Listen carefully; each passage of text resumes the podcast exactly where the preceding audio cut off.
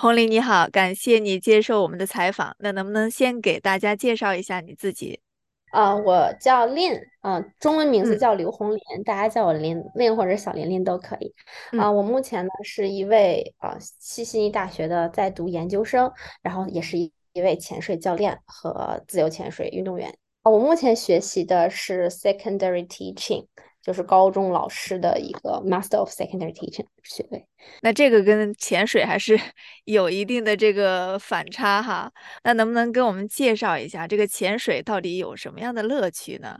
就是到到海底或者是湖底是一个什么样的这种景观？我从一开始接触到潜水时，也是通过水肺潜水开始的。嗯，嗯，从小也就是喜欢看鱼嘛，大家应该都看过《Finding Nemo》，就是是像小丑鱼的故事，所以，就对海洋生物一直抱有着好奇，然后就了解了，一潜潜水可以在水下看很多的海洋生物，然后我就跟家人一起去了东南亚呀，旅行的路程过程中，也是嗯很偶然的发现，哦，其实潜水没有那么难学，就是两到三天的课程，然后就可以开始探寻海洋世界。那我也在潜水的过程中遇到海龟啊、海豚呐、还有成群结队的一些风暴呀什么的，然后在呃和他们一起同游，然后感受到了这样大海的一个魅力吧。嗯，那个时候你多大？一二年的时候，一二年的时候，那个时候应该是二十，那是我大概上大学的时候。嗯，嗯。那我们知道这个潜水有不同的分类哈，这个自由潜水是不是对自己的身体的这种体能和技巧有很大的挑战呢？或者说是比较的危险呢？自由潜水其实是靠自己本身要闭气下潜的一个运动，但是它所有的运动都分为休闲和竞技本身。那么区别在于四十米的一个深度，而最美丽的景色一般都在五到十米，那儿光线丰富啊，生物嗯品种也会比较丰富。所以呢，在休闲自由潜水当中，大家不用很担心，那是否会给我的身体造成很大的压力呢？其实不是。我们在开始尝试自由潜水时，会先从陆地开始，从理论开始，再到泳池，再到下海，一个循序渐进的过程，让大家更了解自己的身体，然后慢慢的熟悉潜水技术，然后再探索海洋的过程。所以其实休闲自由潜水是相当安全与快乐的。但是竞技自由潜水可能就需要一些自律和训练了，当然嗯，也会在技术提高中达到一些内心的充实感。那你一般在进行这个自由潜的时候，会下到海里面多深呢？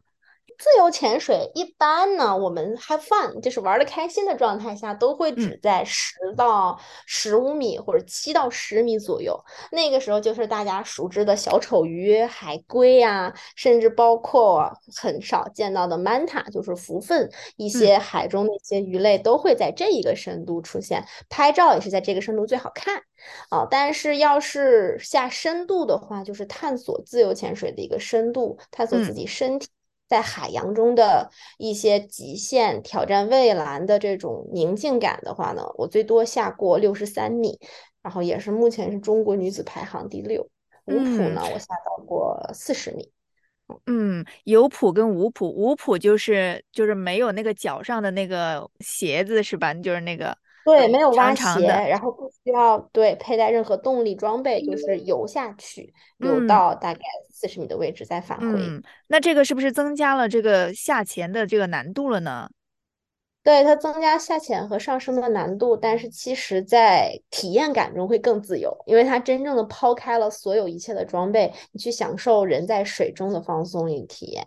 嗯，那你嗯。当时在下到这个海里面六十来米的时候，当时你觉得是一个什么样的体验？然后当时是一个什么样的环境呢？我相信可能是不是一片漆黑啊，周围？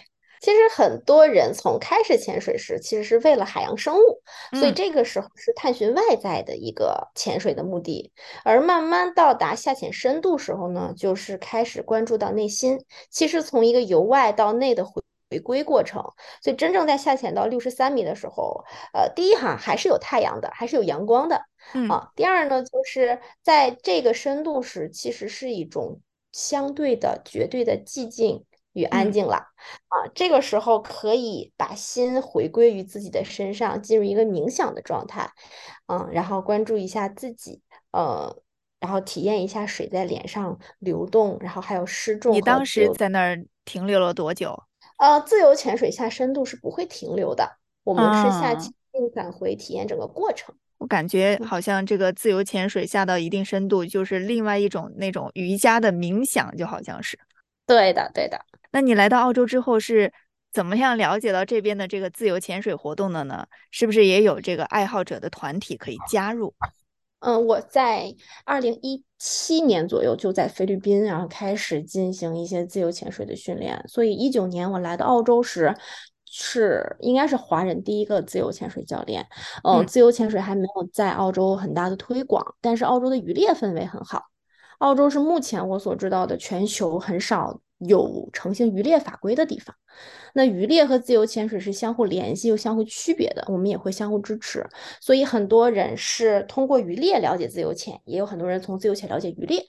嗯，我为了推广自由潜水，创办了我自己命名的 club，就是 Lean Free Diving Club，也在悉尼培养了大概四百多位华人潜水员。嗯，目前呢，我们还会和一些悉尼自由潜水协会啊、西澳大利亚自由潜水协会有合作。嗯，我因为也是 A 大国际认证的裁判嘛，那你是不是通过这类活动交了不少的朋友，跟这个澳洲本地的人哈，他们有更多的这个联系呢？对的，对的。嗯。嗯，包括刚才我说的活动，都是和悉尼自由潜水协会和澳大利亚自由潜水协会的本地呃本地的澳洲人进行合作的。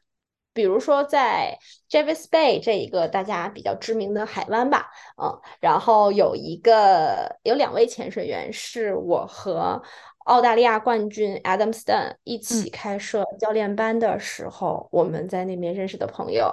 呃，当时这位澳大利亚的潜水冠军他还有一个 YouTube，然后我嗯们还在一起拍了一个非常好玩的。呃有剧本的真人秀的那种模式，就是呃我们在 YouTube 上，呃我们之前就是写了一些剧本，因为 YouTube 需要。嗯，看到一些冲突和矛盾，然后我们就呃演了一些，我们可能会有一些吵架呀，我们有一些和好啊，然后在整个教练班的期间出现的一些好玩的事情呀，我们也看到了海豹呀，去打鱼呀，还有这样的一些经历，然后我们也发到了 YouTube 上。嗯，同时后来这些毕业了的学员也在悉尼，也在 Javis Bay 成立了自己的潜水俱乐部。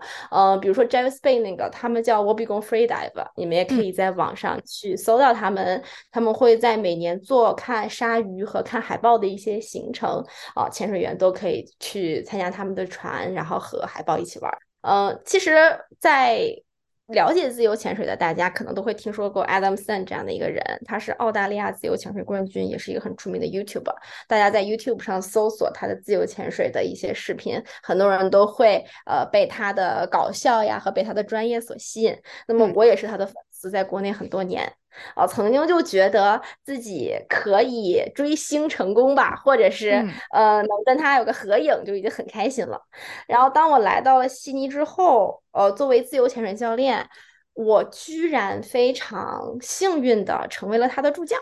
嗯，怎么啊，回事儿呢？因为当时他要在，对，他要在悉尼开展一个教练班课程，嗯嗯，但是教练班的助理教练是需要一个高级别的一个自由潜水教练，就不止你是自由潜水教练，你必须是 master 嗯 instructor。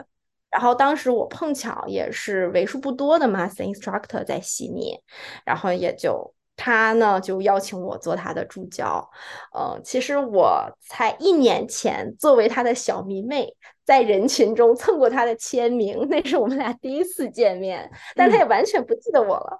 嗯、等我们再度见面的时候呢，我就是重新认识他，然后我们也是互相帮助、互相支持的完成了这期教练班的课程。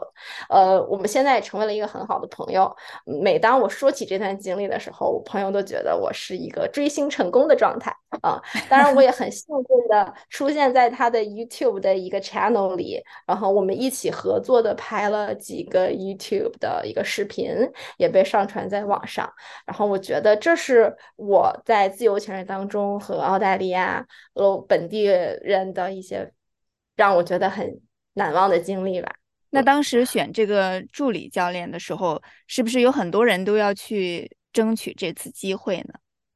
嗯，应该会有很多人吧，但是其实那时候是二零二零年还是二零一九年，技术就是教练还并不多，嗯嗯，然后并且我也是通过了呃其他当时认识的一些本呃潜水员的一些介绍啊，嗯，然后是顺利的就成为了他的主教。你还是很幸运的。对的，对的，嗯。那现在你是自由潜水教练，是不是必须通过一些专门的测试，获得相关的一些这个资格证哈？嗯，对的，就是嗯嗯，自由潜水教练班是需要考试而通过的，就像之前提到的啊，当然还有抹茶、PADI 还有 SSI，呃，每一个系统都有自己的单独考核标准。那当时我是为了了解一下每一个系统，都在不同的组织分别学习过，也完成了四个国际系统认证的教练考核，而且还在不断的升级。它这个每一个它最大的这个区别是什么呢？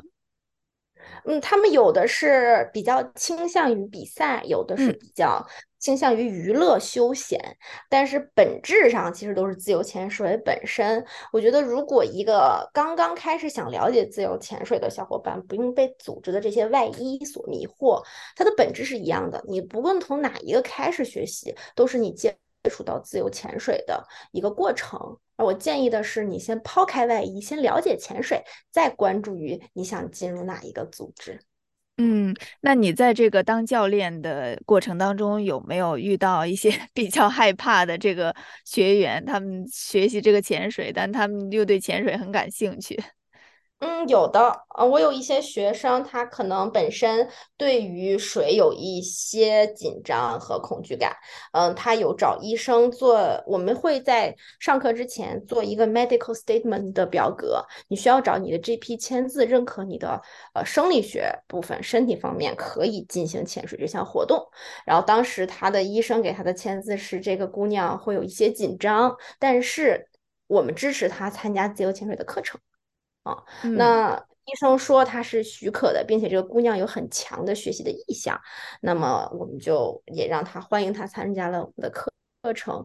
在经历了一些嗯练习引导以及泳池的一些适应之后，她现在已经是一个非常优秀的潜水员了。嗯，那当时他在学习的这个过程当中，对来对他来说，是不是也遇到了一些困难呢？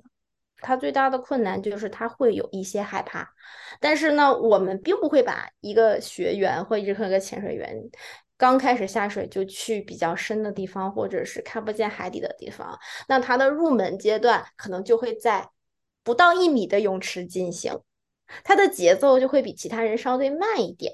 那我们将节奏放缓之后，其实本身学员的体验是不会有太大的呃困难的。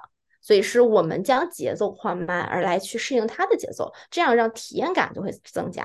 嗯，那我知道你最近参加了，刚刚你也提到说那个自由潜水的比赛哈，拿拿到了不错的这个排名，能不能具体跟大家分享一下呢？嗯，我当时是已经开始接触潜水十年了吧，但是我是刚刚开始接触自由潜水的比赛。嗯，在整个比赛训练和准备的过程中，真的让我体验到的就是所有数字上的上升和进步，其实都是训练和积累的结果，而不嗯是对极限的挑战。嗯，然后在比赛中获得的应该是更加平和的一个心境和更加自律的生活。就是嗯无论外面多大狂风暴雨，那水下其实都拥有一片宁静与平和。哦，嗯，那你。家人对你这个自由潜水的，呃，这样的一个追求哈，他们怎么看呢？他们怎么说？其实我家人也是潜水员，当时我们一起完成的自由潜水的一个课程和体验，所以他们本身也很喜欢潜水这个活动。嗯，而且年嗯纪也都不小了，我的父母。然后，但是我们还有在水下的合影，在嗯疫情之前，我们还可以，我们每年都会去不同的海岛，然后去潜水的，这是很不可嗯，思议的事。但是他们确实 自。由潜水一家人。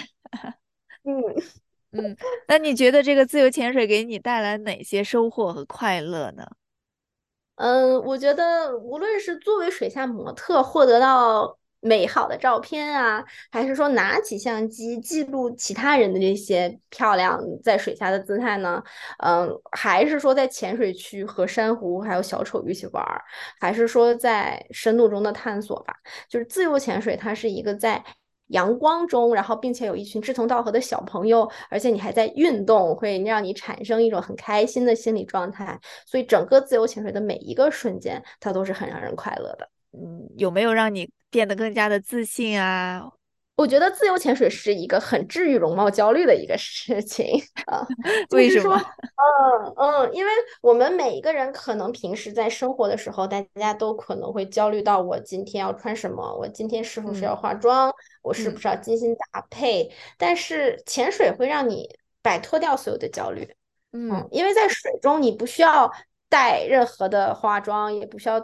穿搭配太多那种华丽的衣服，我们其实就是嗯，在水下体验我们水下开心的过程。然后出水之后呢，大家可能最近网上不是比较流行的一个就是我在学校丑，对吧？关我平时什么事？其实我下水的时候，大家也没有任何嗯华丽的一些装扮，但是其实我们每一个人都洋溢着自信和魅力，我觉得是这样的。嗯，所以这个自由潜水让你反而变得更加的自然简单哈，这种心态。对，嗯，那未来你在这个自由潜水上有没有什么目标和打算呢？嗯，自由潜水呢，目前还是一个比较新颖的运动。那我个人的话呢，肯定是希望磨练自己的技术，提高一下成绩了。嗯，但是呢，我也希望通过开展自由潜水的课程，然后呢，让更多的小伙伴开始了解到自由潜水当中，也能通过正规并且安全的一个过程，开始加入自由潜水大家庭，而让更多人呢来感受到自由潜水给我们在水中带来的放松和自由，然后一起探寻一些内心深处的平静。嗯。好的，谢谢红林跟我们分享，嗯，你的这个自由潜水教练的这个经历哈，以及跟大自然、跟海洋这种海洋生物打交道的这样的一份喜悦吧、美好吧，呃，它充满着挑战哈，但是也充满着美丽。谢谢，谢谢主持人，谢谢邀请。